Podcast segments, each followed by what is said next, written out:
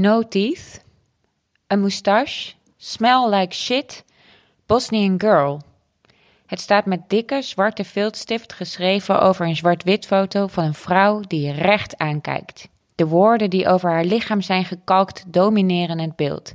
Ze krassen recht door het lijf van de vrouw heen. Ondoordachte, zeer vernederende woorden, argeloos en gefrustreerd opgeschreven en zomaar de wereld ingeslingerd. No teeth, a moustache, smell like shit, Bosnian girl. Uitroepteken. De vrouw op de foto heeft geen snor. Waarschijnlijk al haar tanden nog, al zijn haar lippen losjes op elkaar. En ze ruikt eerder naar gerechtigheid dan naar stront. Ze is prachtig, boos, misschien, sterk, zeker. Ze draagt een wit hemd over haar ranke schouders. Haar zwarte haren zijn flux in een paardenstaart geknoopt. Ready for combat. Ze is een Bosnische vrouw. Nee, zeker geen meisje zoals degene die de tekst schreef misschien hoopte. Ze is volwassen, tijdloos en ze heeft een appeltje te schillen. There have always been women who are artists, but it was men who wrote the history books. And somehow, they just forgot to mention that. Heet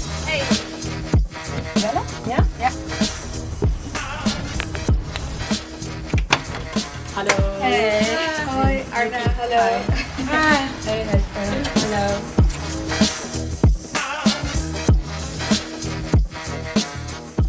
Welkom bij Naakt op een kleedje, de podcast waar we altijd praten over één kunstwerk. Mijn naam is Seske ten Kater. En ik ben Yukiko en vandaag zit ik tegenover Arna Maskic in Rotterdam. We gaan het vandaag hebben over een kunstwerk dat Bosnian Girl heet, van Sheila Kameric. Heske die uh, zei het net al mooi in haar beschrijving. Ze is prachtig, boos misschien. Denk je dat die vrouw op de foto boos is?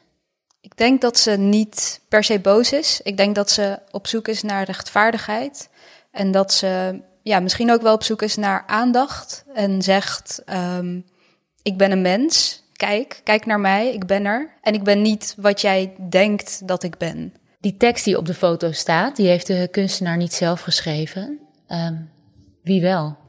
Ja, dat heeft dus die tekst is gevonden in, uh, in het ja, in het bataljon van Dutchbatters in uh, Srebrenica, dus in Bosnië-Herzegovina, waar een, ja, een heftige oorlog heeft gewoed, waar een genocide heeft plaatsgevonden en waar eigenlijk uh, Dutchbatters, dus Nederlandse soldaten, de bevolking daar moesten beschermen. Dus het was eigenlijk beschermd gebied. Iedereen die daar binnen was, die zou het overleven in feite.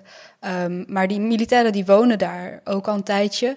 Uh, en die hadden daar ook eigenlijk hun eigen soort Nederlandse leefwereld gemaakt. Dus met Nederlandse teksten op de wanden, met een Nederlands café. En later heeft uh, de, de kunstenares Sheila Kameric, die is daar als een van, eerst, als een van de eerste kunstenaars, mocht ze ja, dat, die plek bezoeken. En toen heeft ze die tekst uh, gevonden. Jij bent zelf Bosnisch. En ik denk dat het goed is voor de luisteraar om even te weten wat je nog meer bent. Dus ik heb een Mhm. hele korte bio over je geschreven. Uh, je bent medeoprichter van Studio LA, een architectuurstudio waarvoor je als architect ontwerpt en onderzoekt. Je focus je met name op hoe er wordt omgegaan met wederopbouw van stedelijk gebied nadat er een conflict heeft plaatsgevonden. Of je zou het ook inclusieve architectuur kunnen noemen. In 2017 won je de Jonge Maaskantprijs en je was hoofd van de afdeling architectuurdesign van de Rietveld Academie. Je komt uit, ik zei het net al, je komt uit Bosnië-Herzegovina, van waaruit je in 1993 met je familie naar Nederland vluchtte. En datzelfde conflict waar je voor vluchtte verwoestte ook letterlijk je geboorteregio. En inmiddels is het gebied weer opgebouwd, maar in je boek Mortal Cities and Forgotten Monuments nam je toch een tegenvoorstel op met hoe het beter kan. Het, het ironische is natuurlijk dat um, de tekst, de graffiti eigenlijk van die Nederlandse onbekende militair, dat het ook op een stuk architectuur zat, zou je eigenlijk mm. kunnen zeggen. Wat moeten we dan na een conflict, wat moeten we dan met, met zo'n plek doen? Um, ja, dat is echt, dat is zo moeilijk. Maar ik denk dat het belangrijk is, want ik ben er ook geweest in, uh, in Srebrenica. Ik heb, uh, ik heb de plek gezien waar die tekst is uh, geschreven. Hoe was en, dat? Ja, het, is, het was eigenlijk wat ik heel erg, waar ik heel teleurgesteld in was, was dat er, er eigenlijk geen boodschap was van Nederland. Uh, dus Nederland was overal, dus door, door gravities, door, uh, nou, doordat die Dutch Petters daar gezeten hebben. En het zag er ook uit alsof het net achtergelaten was, alsof mensen het gewoon hun, hun spullen hebben achtergelaten en weg zijn gegaan. Um, maar er is vanuit vanuit het heden helemaal geen boodschap achtergelaten door Nederland. Er is geen context gegeven. Um, en met een boodschap bedoel je een vorm van excuus of een. Ja, of een, eigenlijk een boodschap hoe Nederland nu daarnaar kijkt. Het hoeft ook, hoeft ook geen excuus te zijn, maar meer een soort boodschap van: ja, wij waren hier, wij kijken hierop terug. Um, en dat was er niet. En daar, daar was ik heel erg teleurgesteld in. Want ik denk dat ik had dat nodig op die plek. En ik denk dat ja, veel meer mensen dat, dat nodig hadden. En uh, nu, er is daar een soort tentoonstelling ingericht. En wat je daar heel, heel veel ziet, die, bijna die hele tentoonstelling bestaat uit foto's van beroemdheden die die plek bezocht hebben. Uh, zoals Angelina Jolie of bepaalde politieke leiders. Maar ik hoef dat helemaal niet te zien. Ik wil gewoon een, je wil de context, je wil weten wat er gebeurd is, wat het verhaal is. Precies, ja. En, en, hoe we, en wat we daarvan geleerd hebben. En hoe we daar dan nu op terugkijken van, vanuit nu. Volgens mij hoeven we dat soort plekken niet uit te wissen. We hoeven het niet te slopen. We hoeven er ook geen ja, schilderijlijst omheen te zetten. Um, maar ik denk wel dat juist dit soort plekken, omdat er zoiets ja, gruwelijks heeft plaatsgevonden, wat ook waar de hele wereld iets van kan leren en zou moeten leren eigenlijk. Um, ja, moeten we het behouden, maar wel door er telkens op te reflecteren. Um, dus ik denk dat dat de manier is qua wederopbouw dan in ieder geval in dit soort gevallen om, ja, om ermee om te gaan. Ja, want je zegt het net al, er is iets gruwelijks gebeurd. Het, Srebrenica is denk ik wel de, weet ik zeker, de grootste genocide in Europa sinds de Tweede Wereldoorlog. Ja. Nederland had er natuurlijk een hele uh, cruciale, helaas cruciale rol in. Ja, dus eigenlijk was dat gebied was dus een soort veilige haven. Um, maar op een gegeven moment kwamen uh, de Serviërs, die, die eigenlijk dat hele gebied uh, probeerden over te nemen, die kwamen steeds dichterbij. Dus het werd uh, steeds gevaarlijker en steeds meer mensen uh, voornamelijk moslimmensen, die vluchten die veilige haven in. Maar zoveel mensen, dat, ja, dat, dat, dat, dat die plek helemaal uitpeilde van de mensen, paste gewoon niet meer. Dus Nederland, die, die, die wist eigenlijk ook helemaal, of die Nederlandse militairen hadden geen idee wat ze moesten doen, want ze konden al die mensen niet beschermen. Um, en ze voelden zich heel erg bedreigd door die, uh, door die Servische uh, ja, militairen die dat gebied wilden overnemen. Um, hun, uh, hun voorraad raakte op, hun benzine raakte op. Uh, ze, ze, ze, wist, ja, ze wisten echt niet wat er zou gaan gebeuren. Voelde heel gevaarlijk. Tegelijkertijd kregen ze ook helemaal geen luchtsteun van andere Europese landen. Ik geloof dus, dat ze vijf keer om luchtsteun gevraagd hebben en niet kregen. Precies, dus ze zaten daar echt in hun eentje eigenlijk. Helemaal achtergelaten door de hele Europese uh, gemeenschap. Door de, en door de Verenigde Naties. Um, dus wat er toen gebeurde was dat er op een gegeven moment hebben de Serviërs uh, besloten dat ze mensen uh, naar ander gebied zouden vervoeren. Dus naar veilig gebied waar die moslims ja, ook veilig zouden zijn. Um, en ze hadden bussen geregeld daarvoor. Um, en die Serviërs bepaalden toen dat, uh, dat mannen en vrouwen gescheiden moesten worden. En de Nederlandse militairen hebben juist bij die scheiding van mensen hebben ze geholpen. Omdat ze uh, eigenlijk dachten dat die mensen beschermd zouden worden. Ja, dat, dat, werd hun beloofd. Ja, maar ik denk dat ze ook uh, dachten, eindelijk dit, dit gaat stoppen. Maar ik denk dat ze in hun achterhoofd wel wisten, op het moment dat je mensen gaat scheiden van elkaar, natuurlijk mannen en vrouwen, als je denkt Dubieus. van Tweede Wereldoorlog, wat daar is gebeurd, Absoluut. daar zijn ook mensen gescheiden van elkaar. Um, ik denk dat ze het in hun achterhoofd wel wisten, maar ik denk dat ze zo in het nauw zaten dat ze dachten: als hier, ja, ja la, laat hier maar gewoon een einde aankomen, wat er ook gebeurt. Um, dus nou, ze, ja, ze hebben een hele cruciale rol gespeeld, inderdaad. Want ze hadden ook op dat moment kunnen zeggen van... wij vinden dit riskant, wij, wij stoppen dit, dit kan niet. Um, en dat is niet gebeurd. Het werk dat je gekozen hebt, Bosnian Girl, dat, uh, nou, we benoemden het net al, dat speelt zich eigenlijk deels in Srebrenica af door de graffiti. Ik denk dat het goed is om ook een klein beetje achtergrond te geven over de maker, mm. degene die het gemaakt heeft. Want Heske heeft ook daar een achtergrondtekst over ingesproken. Oké, okay, even een heel kort geschiedenislesje. Sheila Kameric werd in 1976 geboren als Bosnisch meisje in Sarajevo, toen nog onder het bewind van de Joegoslavische leider Tito. De dood van Tito in 1980 leidde tot etnische spanningen en gewelddadige confrontaties. In de jaren 90 vielen de Joegoslavische staten uiteen met de verschrikkelijke oorlog tot gevolg. In deze politieke spanningen groeit Kameric op. Ze weet op jonge leeftijd dat ze kunstenaar wil worden en studeert aan de Kunstacademie van Sarajevo. Tijdens de Bosnische oorlog wordt haar vader door een scherpschutter vermoord. De oorlog in zijn meest persoonlijke vorm loopt als een slagader door haar kunstwerken. Ze maakt films, foto's, boeken en installaties, maar Bosnian Girl is zeker haar allerberoemdste kunstwerk. Het dwingt je om kritisch na te denken over hoe het slachtofferschap eruit ziet in de context van oorlog. In Bosnië is Kameric even beroemd als, zegt Rieneke Dijkstra in Nederland. Ze is een nationale held omdat ze een ander beeld over de oorlog heeft gegeven. Een achter de schermen beeld of een nabeeld. Wat blijft er over als de NAVO is vertrokken? Toen ze de posters van het Bosnische meisje in de straten van Sarajevo ophing in 2003, was iedereen in de war en voor sommigen was het super schokkend. Inmiddels hebben Bosnische vrouwen over de hele wereld deze poster toegeëigend en gebruiken ze het bijvoorbeeld als een profielfoto op Facebook of dragen ze het beeld door de straten als de oorlog wordt herdacht.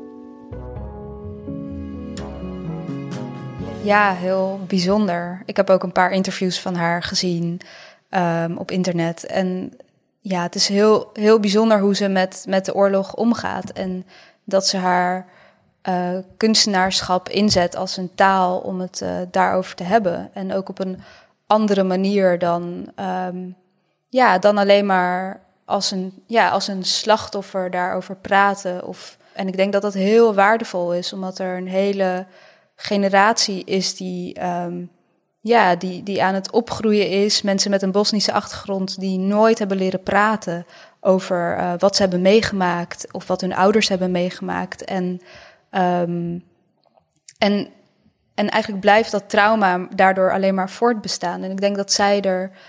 Um, ja, zij geeft misschien wel een soort nieuwe middelen om, daar, om daarmee om te gaan. Ja, is echt wel een voorbeeld daarin. Wat voelde jij toen je dit werk voor het eerst zag? Ja, heel veel. Alsof mij een stem werd gegeven. Um, en ik vond het, ik denk ook wel een soort, ja, geeft een soort kracht.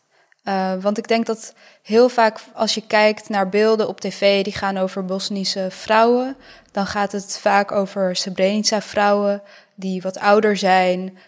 Um, ja, vaak uh, ja, een hoofddoek op hebben.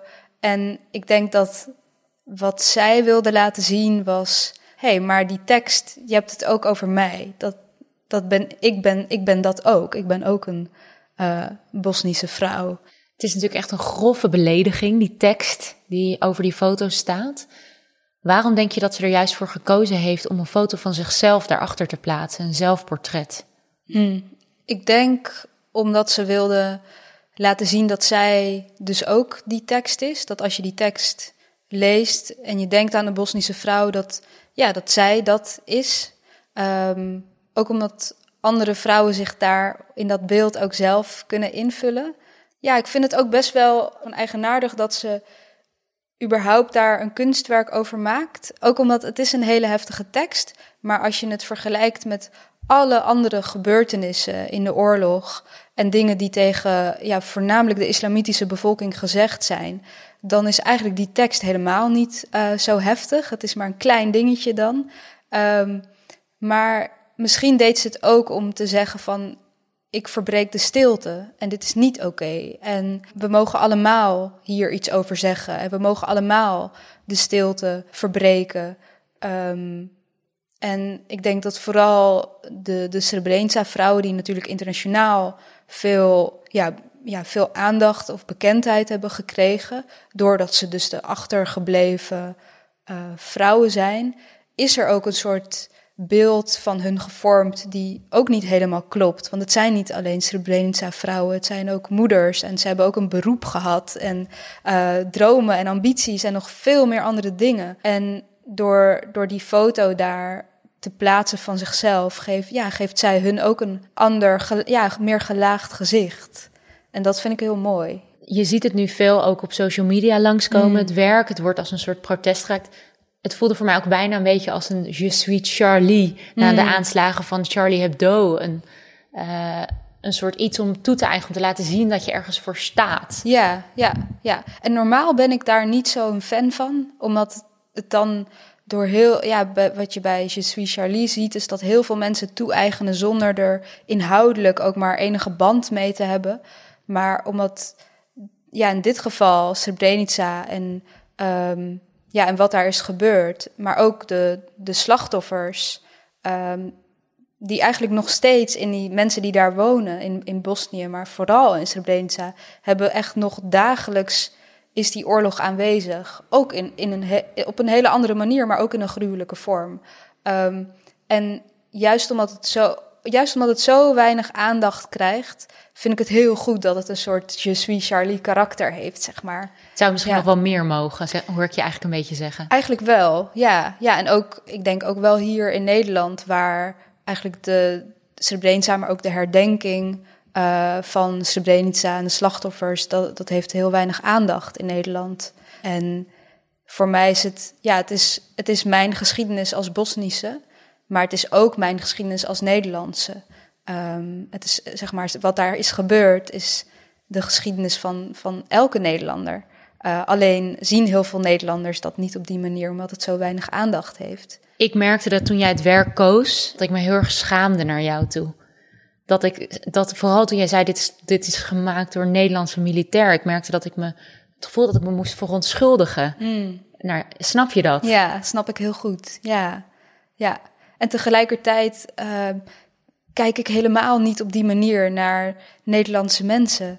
Echt totaal niet. Ik heb nooit gedacht van, oh jij, jij bent er ook zo één die dat op de muur zou kunnen schrijven. Maar, Stop je gravitybus weg. maar ik, vind het, ik vind het wel iets zeggen over de Nederlandse eh, politiek. Ehm, ik vind het wel iets zeggen over de, de verantwoordelijkheid die Nederland wel of niet neemt ten, te- tegenover zijn eigen burgers. Eh, militairen die worden uitgezonden naar allerlei oorlogsgebieden en daar eigenlijk soms vaak aan hun lot worden overgelaten. eh, en terugkeren en dan opnieuw aan hun lot worden overgelaten. Dus ik vind het heel veel over onze politiek zeggen. Dus ik vind dat de politiek er zich wel voor mag schamen. Ehm, de tekst op de foto van het kunstwerk, No teeth, a moustache, smells like shit, Bosnian girl. Dat is natuurlijk een hele heftige tekst. Ehm, wat zegt dat over iemand als je als militair wordt uitgezonden en je maakt je nieuwe plekje thuis en je schrijft dat dan op de muren over de mensen die je moet beschermen? Mm. Ja, ik denk wat ik hiervoor helemaal niet wist, maar is een Nederlands-Kroatische kunstenaar, Anna Dasovic. Zij is bezig met een onderzoek naar wat voor trainingen Nederlandse soldaten hebben gehad voordat ze naar Srebrenica gingen. Ehm, en dat, dat gebeurt vaker, dus die militairen hebben dan trainingen en dan wordt eigenlijk het land waar ze naartoe gaan, wordt soort van als decor nagebouwd. Eh, er lopen mensen verkleed eh, rond, ehm, die dus, nou in dit geval de Bosnische bevolking, eh, moesten uitbeelden. En eigenlijk was, was die training die ze gehad eh, hadden, was eigenlijk al, daarin werden de mensen echt al heel erg als soort karikaturen neergezet. De moslimvrouw met hoofddoek bijvoorbeeld, of de man als barbaar ehm, die in een Balkanland woont. Eh, en ik denk ook eerlijk gezegd dat dat wel een beeld is wat veel mensen eh, hebben over Bosnië. Dat het een soort Balkanland is, het land van de eh, zwarte bergen waarachter mensen elkaar uitmoorden. Ehm, Heftig, toch? ja, dat is heel heftig. Ja, maar ik denk dat, ja, ik, ik, weet, ja, ik weet helemaal niet wat voor, wat voor kennis die militairen hadden over het land. Het waren jonge jongens, hè? Het waren misschien 18, 19, 20. En dan word je uitgezonden naar een land wat je helemaal niet kent, met een politieke situatie die je niet kent. Jij, jij werd ook eigenlijk door hun collega's werd jij beschermd. Hoe vind je dat als vrouw? Dat de mannen die jou moesten beschermen misschien wel zo over vrouwen dachten toen? Mm, ja, ik wa- was dus een klein kind toen de oorlog eh, gaande was. En in de omgeving waren inderdaad allerlei soldaten uit verschillende landen. Volgens mij zaten de Spanjaarden vlak, vlakbij waar wij zaten. Uh, ik heb nooit eigenlijk de indruk gehad dat ze ons ook maar op welke manier dan ook echt beschermd hebben. Of soort bescherming hebben geboden.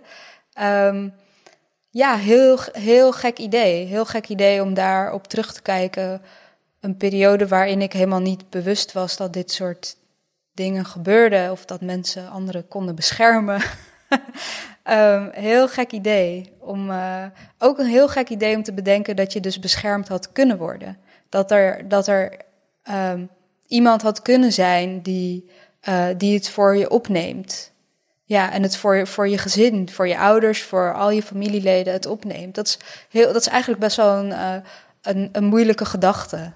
Ja, ja, en dat dat niet is gebeurd. Ja. Zou je kunnen zeggen, hè, jij, ik vind je ook best wel activistisch in je werk. Um, uh, Sheila Kamerich is dat ook. Hmm. Zou je kunnen zeggen dat jullie dezelfde missie hebben? Um, ja, misschien een beetje. Kijk, ik denk dat zij wel heel. Zij werkt als kunstenaar, dus ze is heel erg vrij om, uh, om zich te uiten.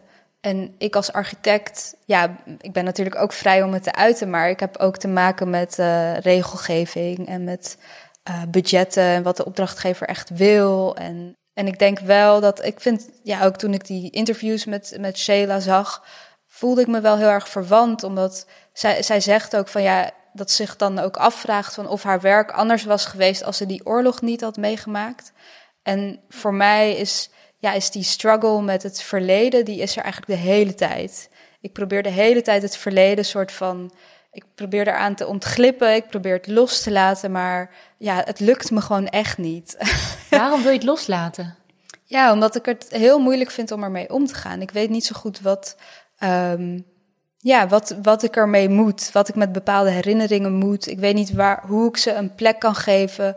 Ik weet niet hoe ik bepaalde dingen uit het verleden, um, ja, hoe ik ze moet, hoe ik ze precies moet aanpakken of zo. Hoe ik ze moet uitzoeken en waar ik ze een plekje moet geven, zeg maar. Ik zou het zo graag willen structureren. Klinkt ook een beetje als een eenzame uh, strijd die je aan het voeren bent. Dan hadden we het net erover dat Nederland best wat steek heeft laten vallen. Wordt het niet tijd voor een collectieve herdenking van Srebrenica? Volgend jaar 25 jaar. Ja, zeker weten. Ik denk dat er verdriet uh, en herdenken en dingen verwerken, dat is iets heel individueels inderdaad. Maar het zou heel mooi zijn als, uh, ja, als, als het iets collectiefs kan worden en als dat zwijgen uh, ja, verbroken kan worden. Ja, en ik denk dat daar hulp bij nodig is, ook van, van Nederlanders.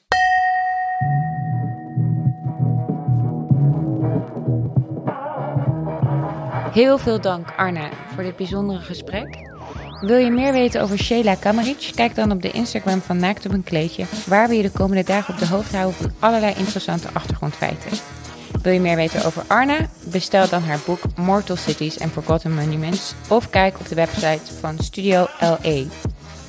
Naakt op een kleedje wordt gemaakt door Yukiko en mijzelf, Heske ten Katen. Editing door Misha Melita. Eindredactie door Anne Moraal en Inge Terschuren van VPRO Nooit meer slapen. De leader is gemaakt door Tom Hofland en Gijs Knol. Dank aan het Mondriaan Fonds en Stichting Democratie en Media voor de financiële ondersteuning. Vergeet je niet te abonneren op onze podcast Naakt op een kleedje in je favoriete podcast-app.